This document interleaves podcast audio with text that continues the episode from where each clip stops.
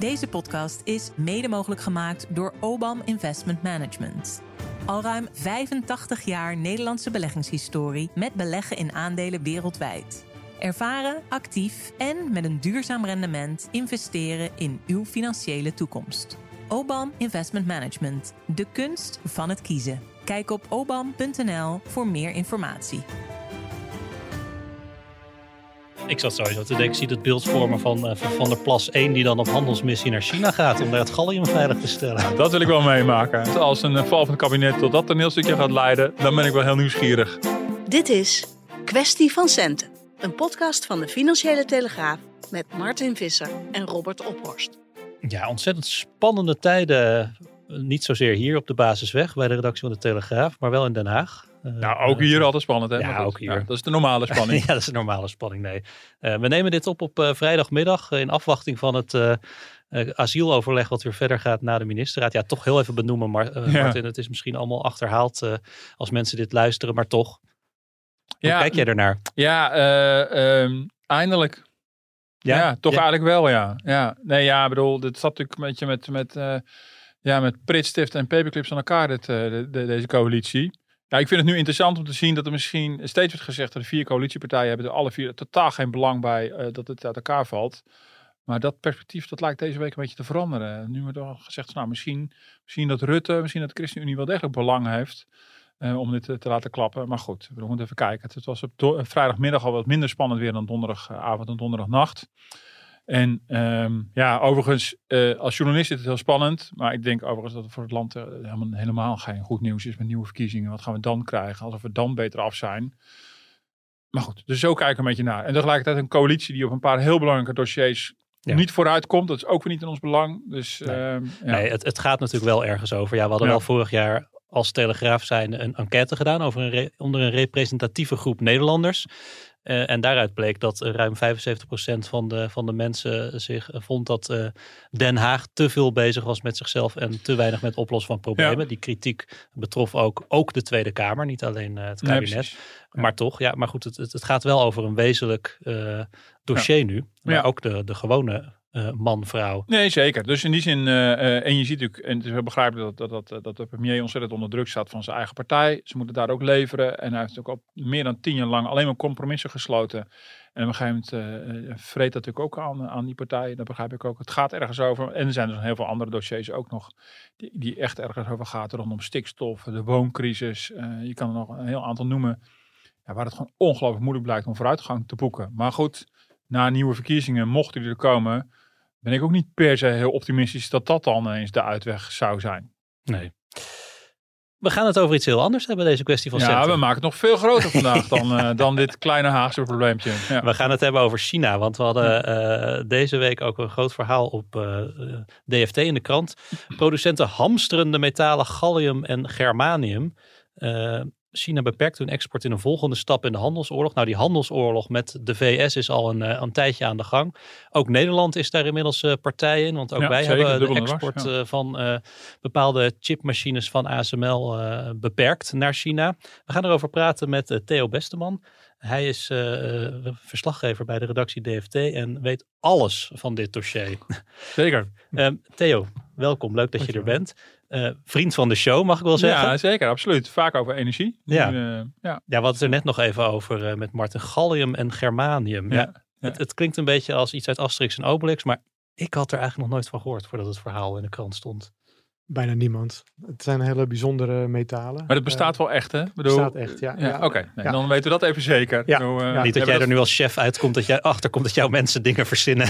Dat dit een beetje de ontgroeningsgrap was. Nee, nee, nee. het bestaat echt, dus echt. Want ja, dit is zoveelste hele... zeldzame metaal. Uh, waar veel spanning en gedoe over is. Ja, ja, en de vraag is of in welke mate het zeldzaam is. Maar hmm. in dit geval is het wel, het zijn hele cruciale metalen. Hmm. Die gebruik je voor schakelingen, uh, batterijen, um, netwerken.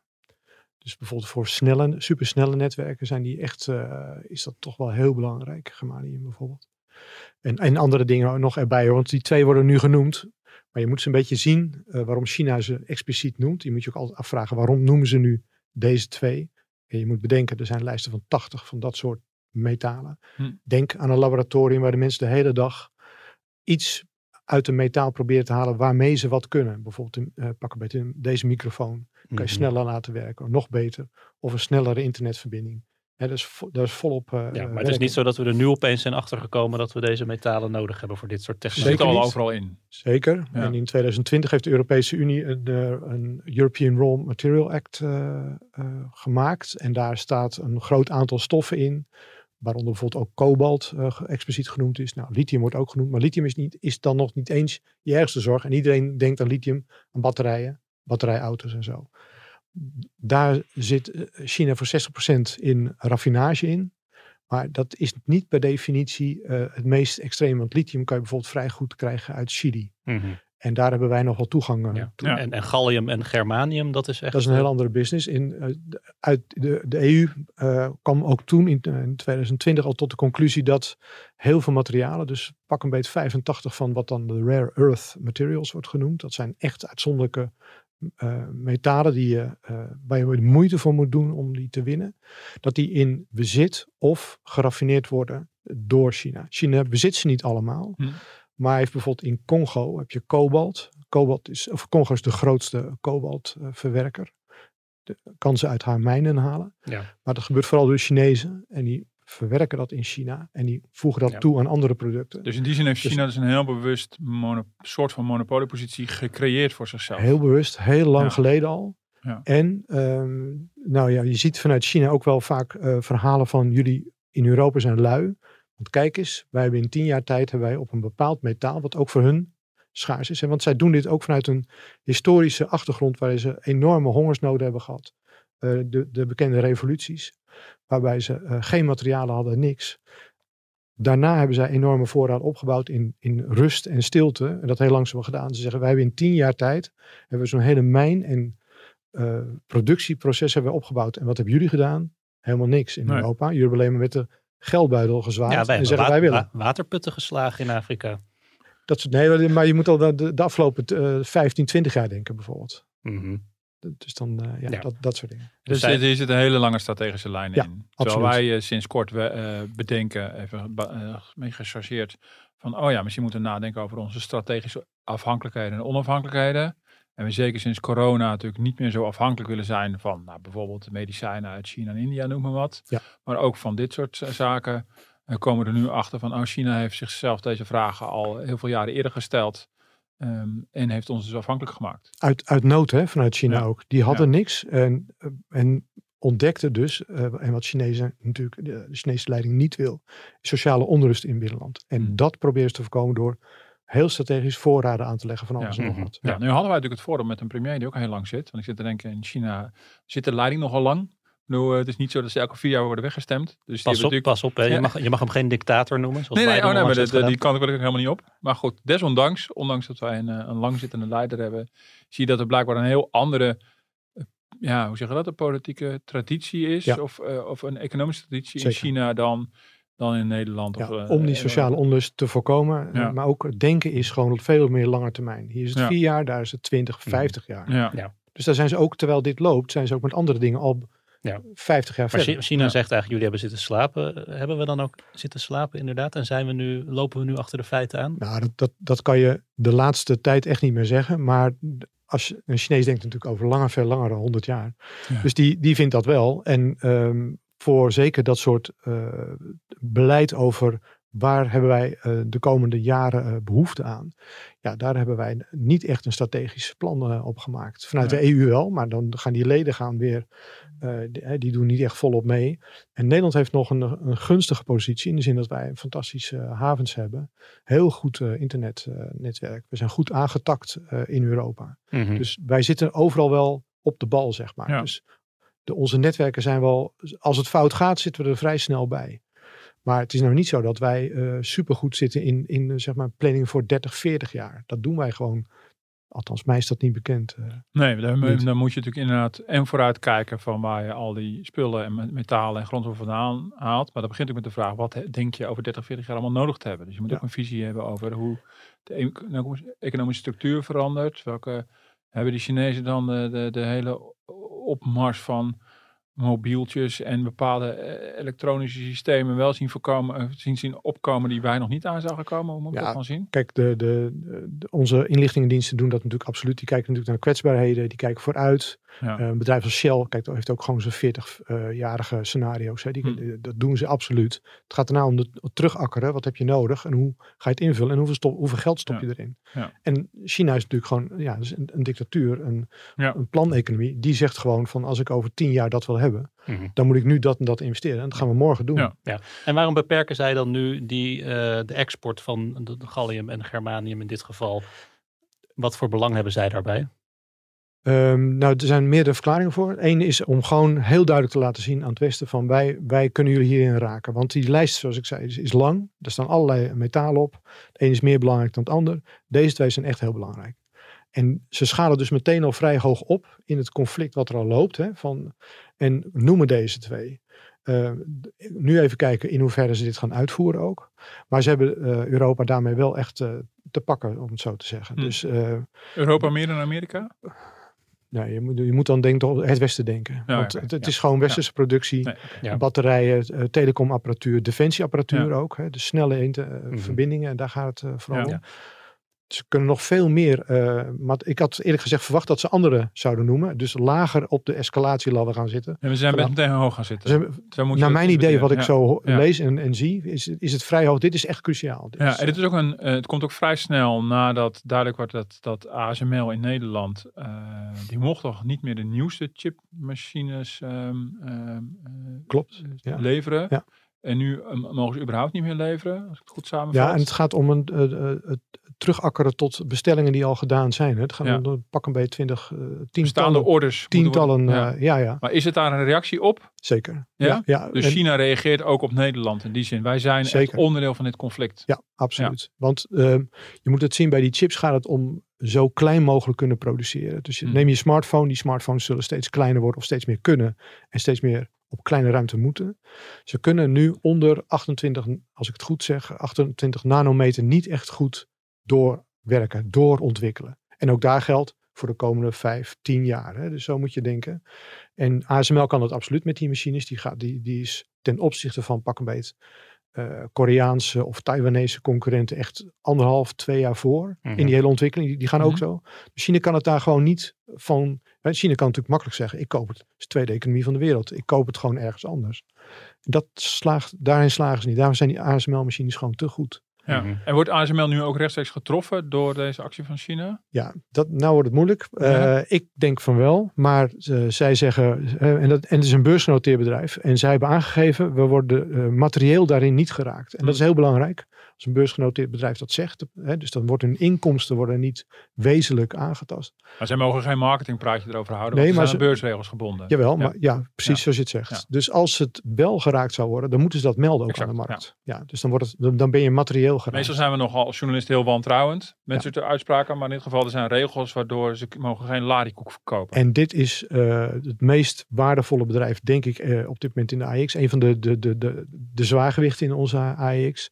Als daar zit iedereen op dit moment naar te kijken. En economische zaken kijkt hier ook naar. Dus hm. iedereen zit er bovenop. Het is niet een fondsje wat even zoiets noemt en zegt, oh sorry, ik zat er even naast. Nee, het is niet iets waar we in Nederland toevallig trots op zijn. Uh, en dat de rest van de wereld niet kent. Het is echt Absoluut. in die zin, uh, even om dat goed neer te alle, zetten. Alle, alle zakenkranten zitten er hier bovenop. Ja. Uh, ja.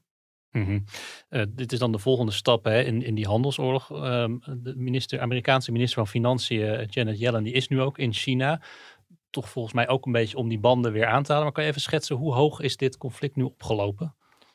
Ja, toch wel heel, heel erg. Uh, wat ik zo zie is het, uh, er moet nu een uitkomst komen. En wat ze proberen is een soort, uh, met Blinken ook, een soort grondlaag te leggen van, we kunnen in ieder geval weer proberen te praten.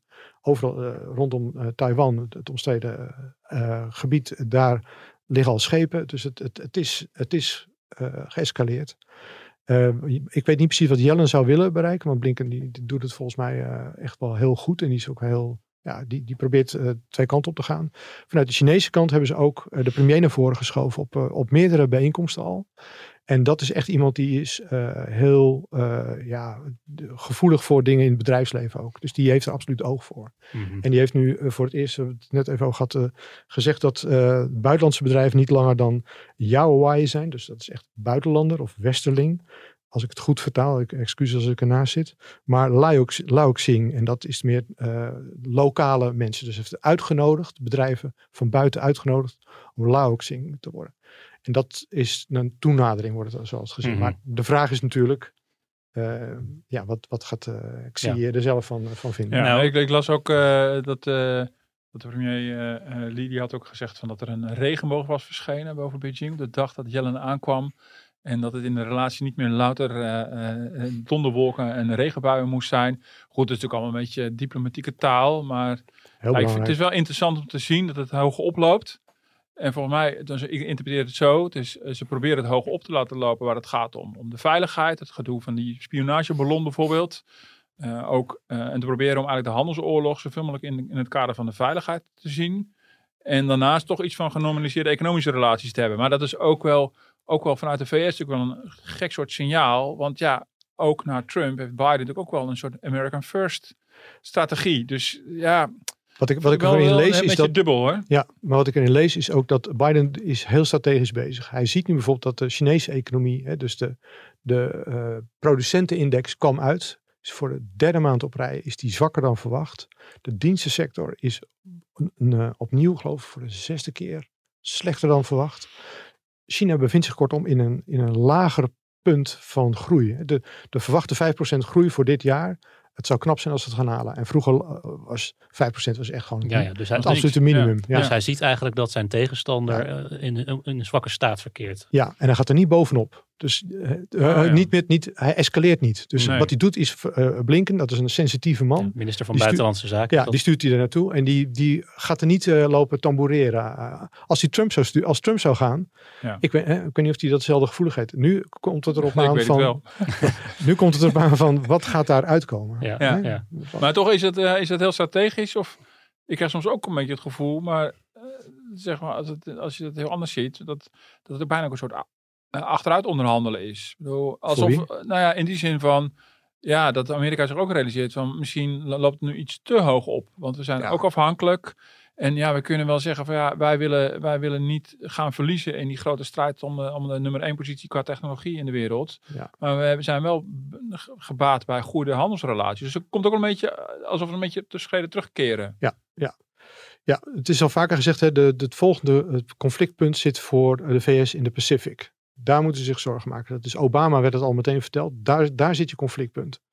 Qua wat? Bedoel, eens uit. Nou ja, de, de, de, de voorgangers daar, dus dan draag je de dienst over aan, aan de president Obama. Mhm. van de, en dan krijg je een dossier in handen van waar zitten jouw problemen? En toen zeiden ze, jouw probleem zit in de Pacific. Mhm. Dat is een conflictzone. Daar, dus je krijgt Taiwan, de strijd om Taiwan. Oh ja. Ja. Uh, India groeit als een idioot en zal uh, claims neerleggen. Ja. Uh, China zeker. Uh, dat, wordt, dat wordt een kookpunt. Dus maar daar moet je dan zowel geografisch, uh, politiek, ja. militair, maar dus ook economisch. Ja, uh, ja. Mm zeker. Want denk als je bij ASML moet je meteen ook breder denken. In Nederland sowieso, en we kijken alleen maar naar ASML, maar daar zitten wel honderden bedrijven achter. Hè. Die zijn afhankelijk van of werken voor ASML. Zo groot is ASML gewoon. Dat is. Mm. Maar ASML, als je dat zegt, dan zeg je ook meteen Taiwan, uh, Zuid-Korea, de hele chipindustrie, TSMC, die zijn allemaal met elkaar verknoopt. En die, doen, die zitten in dezelfde red race met ASML. Mm -hmm. Dus de onderzoekers die gaan heen over en weer. Uh, dus daarmee, ASML zit automatisch ook in Azië daarmee. Ja, dat is ja. Nou, um, um, zei uh, Erik Akerboom, AIVD-baas, eerder dit jaar bij de presentatie van het jaarverslag. China is de grootste bedreiging voor de economische veiligheid in Nederland. Uh, werd ook specifiek gewezen op de unieke kennis die chipmakers als ASML hebben. Um, ik las in een van jouw verhalen dat China ons eigenlijk wat minder kwalijk neemt in deze strijd dan, dan de VS. Want wij worden gezien door Peking als het schoothondje van de VS. Hebben wij net zoveel belang dan bij die handelsoorlog die nu gevoerd wordt? Of liggen die belangen van de VS en Nederland slash Europa uiteen? Nee, uiteindelijk als je het onder streep uh, zet, denk ik niet. Ik denk dat gewoon, uh, ik vind dat Nederland heel erg downplayt hoe, wat het belang is van ASML in dat conflict. Mhm. ze, ze, doen alsof het allemaal niet zo interessant is, et cetera. Nou, natuurlijk, het bedrijf is enorm belangrijk, maar de rol van een paar chipmachines minder. Ja, think again, weet je wel. Dat is echt niet zo. Want je moet ook vooruitdenken. Dat, het, is, het is niet alleen dit. Op die escalatieladder wat als nou heel alles ASML niet meer mag uh, exporteren? En uh, nou ja, dat is echt, krijgt echt grote gevolgen. Ja, nee, maar goed, maar Amerika, maar om, ja, Amerika om, stuurde aan op dat, ja, op dat, in, op dat export, uh, op die exportbeperking. Dus dan lopen de, de, de belangen van de VS en Nederland dus niet helemaal parallel. Want bij ons weegt het bedrijfsbelang heel zwaar mee. Zo voor maar, de VS. Maar onder de streep hebben we het wel gedaan. Ja, we hebben het wel gedaan. Ja, maar als schoothondje of omdat we zagen van dit Nederland is ook in conflict. Zijn wij echt in conflict met China? Of kunnen we niet anders dan meebewegen met de VS eh, en zijn we als een soort collateral damage in een soort van conflict, als je begrijpt wat ik bedoel? Ja, nou ik, ik denk, dan, dan moet je misschien dingen uit elkaar, als je het hebt over veiligheid en dat soort dingen, en, en uh, dan zitten wij natuurlijk absoluut daar, daarin. Ja. Uh, wij worden alle kanten bespioneerd. door maar wij willen tegelijkertijd onze economische belangen veiligstellen. Ja, en we zijn ja. meer dan anderen een exportland. Ja. Dus dat, dat weegt bij ons veel zwaarder. Daar zitten wij wel dubbel in misschien. Ja. ja. Dus, maar wij zijn natuurlijk ook gewoon partner. Um, en uh, we hebben ja. Amerika nodig, onder andere in het conflict. Uh, voor het, maar conflict. is precies altijd de dubbelheid die je natuurlijk ook altijd ziet in heel veel buitenlandse strategieën van, uh, van kabinetten in Nederland. Toch? We hebben ook, ja. dus, het is inmiddels geloof ik 2019 een Rusland-strategie gehad en een China-strategie. En die zijn allemaal, en wij, wij, voeren het vaak terug op de, de koopman en de dominee. Dat is dan altijd de manier waarop we in Nederland erover discussiëren natuurlijk. Hè. Dit gaat over iets, iets anders en meer dan alleen maar van de, de koopman, de economische belangen versus wil je ook allerlei normen opleggen, sociale normen, mensenrechten en dergelijke. Maar hier speelt ook de hele veiligheid is natuurlijk ook een, ook een rol. Ja. Maar er, zit altijd, er zijn altijd hele dubbelhartige opstellingen van Nederland, omdat die economische belangen zo groot zijn. Ja, ja. en misschien ook wederzijds. Hè.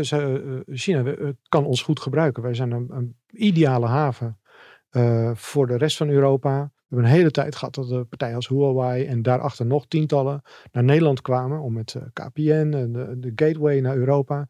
We hebben technologisch vrij goed ontwikkelde uh, inwoners die uh, gadget savvy zijn, zeg maar. Dus snel de volgende smartphone willen hebben, et cetera. Dat is ideaal voor Chinese pro producenten om het hier te proberen. Dat zeggen ze ook altijd. Probeer het eerst in Nederland en dan kijken we daarna als het een ja. beetje aanslaat. of een Oppo of een Xiaomi. Dat, dat soort merken. Ja, daarvoor zijn we wel wat, inmiddels wat minder gastvrij geworden voor bedrijven als Huawei om hier alles uit te rollen. Ja, maar de vraag is of dat, of dat uh, daar zo erg gevonden worden. Uh, hè, zij zien het natuurlijk ook gewoon als pure business. Mm -hmm. um, een, om een voorbeeldje te geven hoe het gaat, bijvoorbeeld met grondstoffen. Uh, je zou zeggen, de, er wordt keihard onderhandeld door Chinezen. Dat is gewoon op grondstoffenterrein is echt, die hebben een, van, ja, er wordt breed bewonderend naar gekeken dat ze gewoon keiharde deals hebben. Ze kopen in op de laagste prijs. Ze zijn spijkerhard in het onderhandelen. Als voorbeeldje om hoe dat gaat. Mensen in het Westen zitten vaak in loondienst. Chinezen worden vaak geacht uit de deal hun eigen salaris eruit te halen. Dus die onderhandelen niet alleen maar tot aan de kom en nee verder overheen, want dan moeten ze ook nog zelf uh, dingen binnen zien te halen. Dus dat zijn, dus of zij nou echt onder de indruk zijn van wat wij daar zeggen versus wat we nou werkelijk doen, dat is heel wat anders. Mm -hmm. Dus zolang Chinese bedrijven hier nog prima bepaalde Chinese bedrijven hier nog prima kunnen uh, exporteren en werken. Ja. Maar uh, dan kom je toch weer terug op, op, die, op die economische context van uh, al maandenlang zwakke economische groei. China heeft geduld, maar de vraag is, dat, dat moet ook wel komen. Dat, dat, dat hoor je ook overal. Van, ja. ja we moeten nu al signalen zien dat het beter gaat. Dus ja. het is, hun toon is misschien nu ook wat terughoudender. Dan is Amerika nu bezig met een soort, uh, om, om, om, de, om, de, om de relaties weer wat uh, uh, aan te halen. Of de banden wat aan te halen en de relaties te verbeteren. Maar is er ook een omweg mogelijk? Je noemde die lijst van 40 zeldzame grondstoffen. Oh, het zijn er 100, ja. Waarvan wij de, de meeste nog nooit, die wij helemaal niet kennen. Is er ook een, een, een andere weg mogelijk dat we die, die, die stoffen op een andere manier gaan winnen? Moeten we ze per se uit China of door, uit door China gecontroleerde mijnen in Afrika halen? Op sommige punten wel. Op heel veel andere punten kun je gewoon zelf ook je strategieën bepalen. Maar goed, hoe gaan we dat doen? Um, dan zouden wij. Nee, maar het is niet bijvoorbeeld zo dat de bodem van de oceaan vol ligt met, uh, met, met gallium. We moeten het alleen even nog. Nee, maar die liggen wel vol met de, de, de oceaan. Er liggen terreinen vol met mangaanbollen. Dat zijn, de, die zijn gewoon van de bodem af te vissen. Nederlandse bedrijven hebben ook de techniek al. Een soort veredelde stofzuiger moet je aan denken.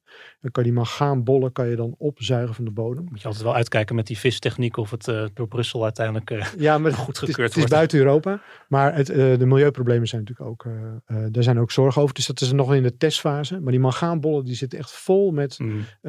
ideale grondstoffen voor, voor de technologie. Is dat ook iets waar Europa en misschien de VS op inzetten om dat op, op, op andere, via een andere weg te, te winnen? Ja, echt, daar, daar, is iedereen mee bezig. Dus al die handelsmissies en, en denk even aan onze gashistorie de afgelopen twee, drie jaar ja, uh, minister Jette is uh, overal op bezoek geweest een beetje om, uh, om deals te sluiten. En in het volle besef dat China straks aan het einde van het jaar of richting, na, laten we zeggen, na de zomer, dat de economie herstelt en dat China toch meer gas gaat opkopen.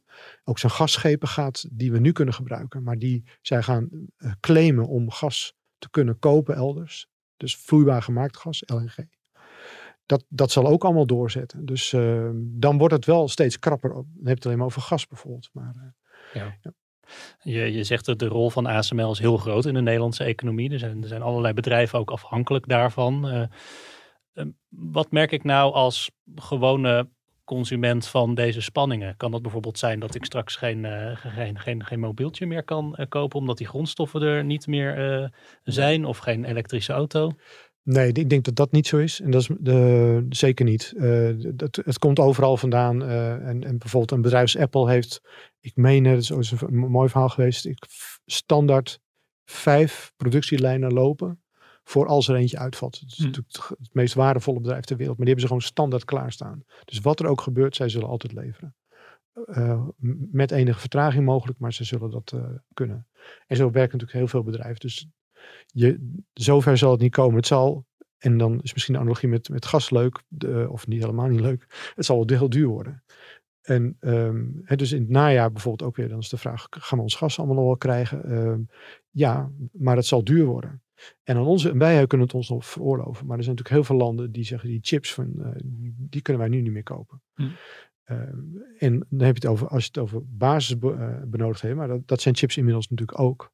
Uh, landen in Afrika, uh, het Midden-Oosten. Het is de vraag of die dat kun, dan kunnen krijgen. En worden die landen dan misschien nog kwetsbaarder voor de Chinese inmenging? Ja, al is daar ook weer een terugslag. Hè. Bijvoorbeeld, je hebt in Suriname heb je het ook. Er wordt een weg aangelegd van alles beloofd. In Afrika ook. En dan wordt het niet nagekomen of onder heel veel dwang. Dus hmm. die zullen bij een volgende deal ook wel echt nadenken.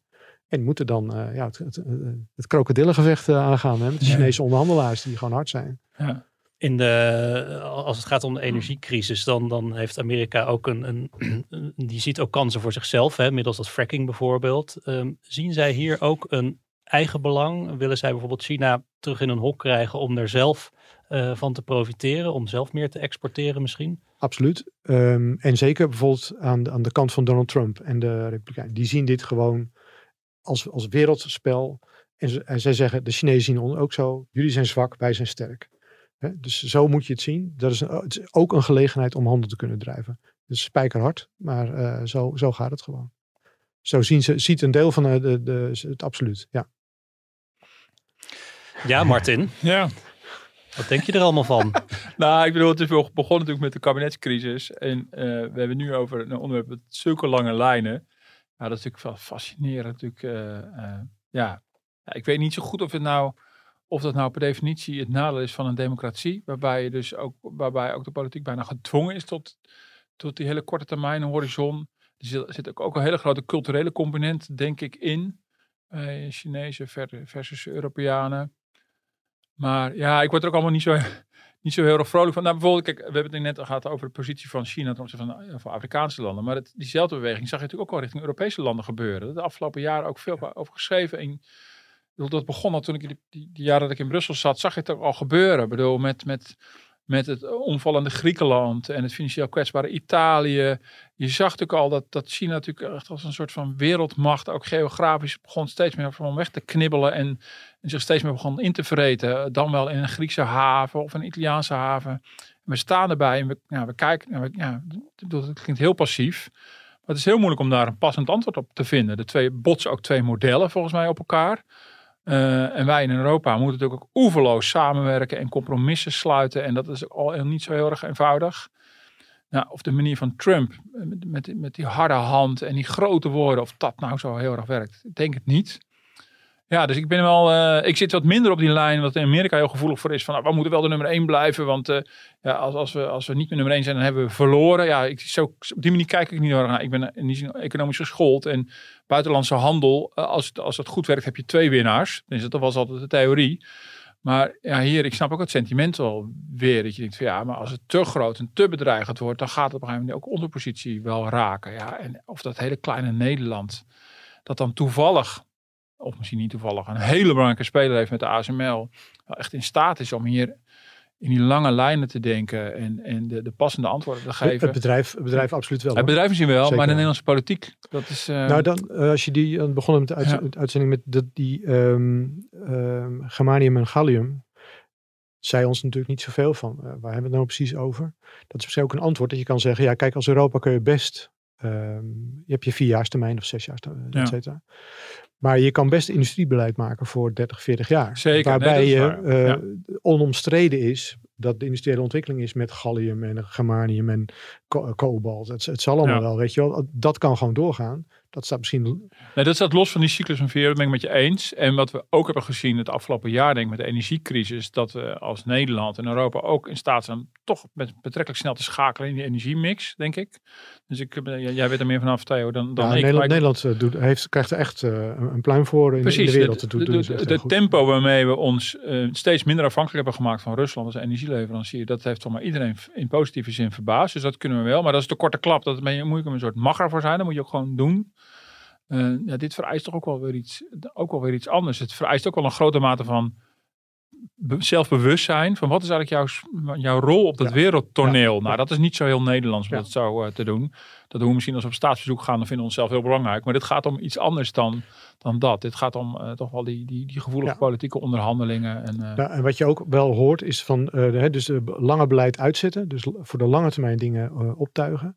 Maar als wij in het buitenland gaan, dan is het vaak van ja, onze diplomatieke dienst is niet meer wat die geweest is. Die is afgebouwd. Ja, dus om naar een land te gaan opeens zeggen, pak een beet. je gaat naar Tunesië. Zeggen we, joh, fantastisch, we kunnen iets met, met zonnepanelen met jullie doen. Grote velden.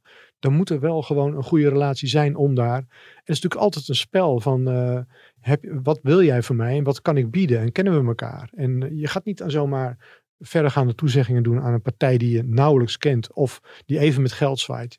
Ja, als de volgende partij komt die met geld zwaait, ja, dan, uh, dan ga je naar die partij toe als, als land als je minder hebt. Ja.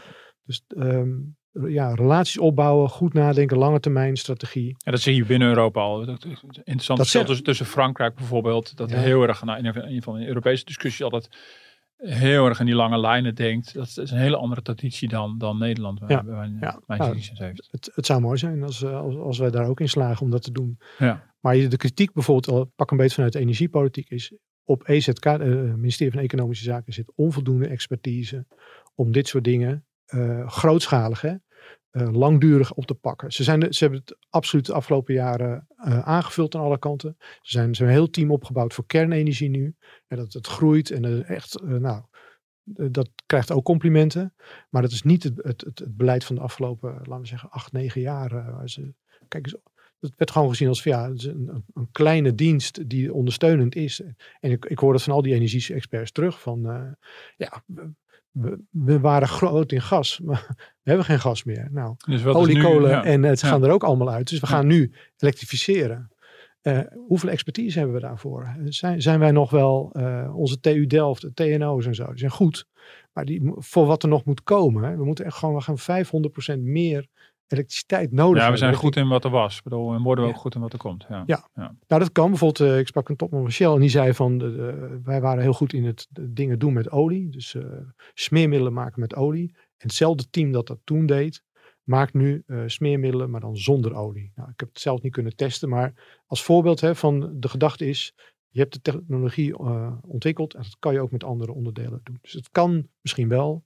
Alleen de, de, de opgave is zo groot voor de elektrificatie. Dus allemaal over batterijen, op uh, windmolens, zonne-energie en uh, olie, gas er allemaal uit. Denk aan heel Pernis, even voor je, voor je beeld. Of Eemshaven. Of... Ik, voel, ik voel een tweede podcast aankomen, Robert. Wat denk jij? Dus, uh... Ik zat sowieso te denken, ik zie het beeld vormen van, uh, van der Plas 1 die dan op handelsmissie naar China gaat om daar het gallium veilig te stellen. dat wil ik wel meemaken. Ja. Ja, ja, ja, als, als een val, val van het kabinet uh, tot dat toneelstukje gaat leiden, dan ben ik wel heel nieuwsgierig. Fantastisch. Theo, dankjewel en ongetwijfeld tot binnenkort weer een keer. Liggen er eigenlijk een beetje dakpannen bij jullie in dat hippe Eiburg? Of zijn het alleen maar sedumdaken in de straat? Ja, we hebben sedumdak inderdaad, ja. Dus ja. er is niks afgewaaid? Uh, nee, wel heel veel, uh, heel veel jonge boompjes en gort. Dus mensen denken, heel veel mensen eh, die niet bij Eiburg wonen, die denken dat het één kale vlakte is daar. Maar we hebben, we hebben ook bomen. Maar nu, nu is alles kaal, denk ik. nog, nee, maar dat valt wel mee. Die, die, die, die, jonge boompjes die houden beter stand dan uh, oh, ja, ja. al die statige reuzen die in al die oude wijken staan. Maar, uh, ik, ik woon in, in Haarlem, dus wij zaten echt in het oog van de storm. Oeh, ja, uh, mijn vriendin stond voor het raam, iets, iets van negen uur, half tien. En er waaide zo een gigantisch zonnepaneel van het dak af. Die kwam net naast een fietser terecht, een jonge vrouw. Dus ja, je, je wil niet weten, of je wil niet over nadenken wat er had kunnen gebeuren. Bleek van uh, twee buren verderop te zijn, naast ons. En dat was aan één kant ook niet vastgemaakt, bleek achteraf, dat zonnepaneel bij de installatie. Nou, we hebben er zelf ook vaak in de krant over geschreven dat het uh, met die installatie niet altijd even, even Maar dat goed blijkt gaat. dus ook te kloppen. Ja. ja, dat blijkt ook te kloppen. Maar geruststellend is wel de gedachte, dat hoort ook niet te kunnen. Ik bedoel, als, Nee. als het hard genoeg stormt, dan Ja. kan natuurlijk alles losraken. Maar een zonnepaneel hoort in principe gewoon vast te blijven zitten, ook bij windkracht 9. Ja, Maar, oké. eh, nee, maar dat vond je eh, geruststellend. Je zag een zonnepaneel vliegen. Je dacht van, dit hoort niet te kunnen. nee, ik dacht wel. Nou, ik dacht later wel van ja, ik ben blij dat het niet elk zonnepaneel in principe los kan waaien. Als Nee, nee, hallo. Dat, dat was Nee. even de geruststellende ja, nee, in die zin, die zin is het een geruststelling. Ja. Nee, maar het was wel, Zonnepanelen eh, horen gewoon aan je dak te blijven zitten. Precies. Ja, oké. Ik ging er eh, wel een beetje vanuit. Maar, Het, het was, het was schrikken. Heb jij nog wat leuks? Eh, ehm, Iets ehm, leuks Iets leuks. Eh, ja, ik heb week 1 overleefd. als chef zijn. Ja, als chef zijnde. Ja, eh, jullie kunnen niet zien, maar Martin zit hier ook een beetje pipsjes bij. Doodvermoeid. Zwarte kringel onder de ogen. Nee, is het Nee, meegevallen, nee. tegengevallen? ja, het was hartstikke leuk. Dus eh voor een paar mooie kranten gemaakt. De website eh, eh, ging lekker. En, nee hoor, dus ik maak een beetje gaantje. Maar het was, het was mijn officiële eerste week. En het is echt een heel andere nieuwe rol. En ja, mijn naam staat morgen helemaal niet in de krant. Nee, Eh, dat, is wel even wennen voor, Ja. eh, Dus, de en trotse Martin Visser. toch heb ik het gevoel dat heel veel stukken ergens, dat ik ergens bemoeienis mee heb gehad. Maar eh, nee, het was echt, het is echt wel, het is wel heel leuk. Dus, eh, maar goed, je weet het zelf. Ik schrijf aan in de nieuwsvergaderingen en er komt, komt alles voorbij. Dus dat is wel heel leuk. De wonderwereld van de Telegraaf, die is zo breed qua thematiek. Ik, ik leer er iedere dag weer bij over sporters waar ik nog nooit van had gehoord. Eh, grote sterren waar privé mee uitpakt. Eh, nou, je kan zo gek niet bedenken. Het komt allemaal voorbij. Dat vind ik wel heel leuk. Die enorme potpourri van eh, het brede nieuws. Ja, Martin, dankjewel en eh, tot de volgende. tot volgende week.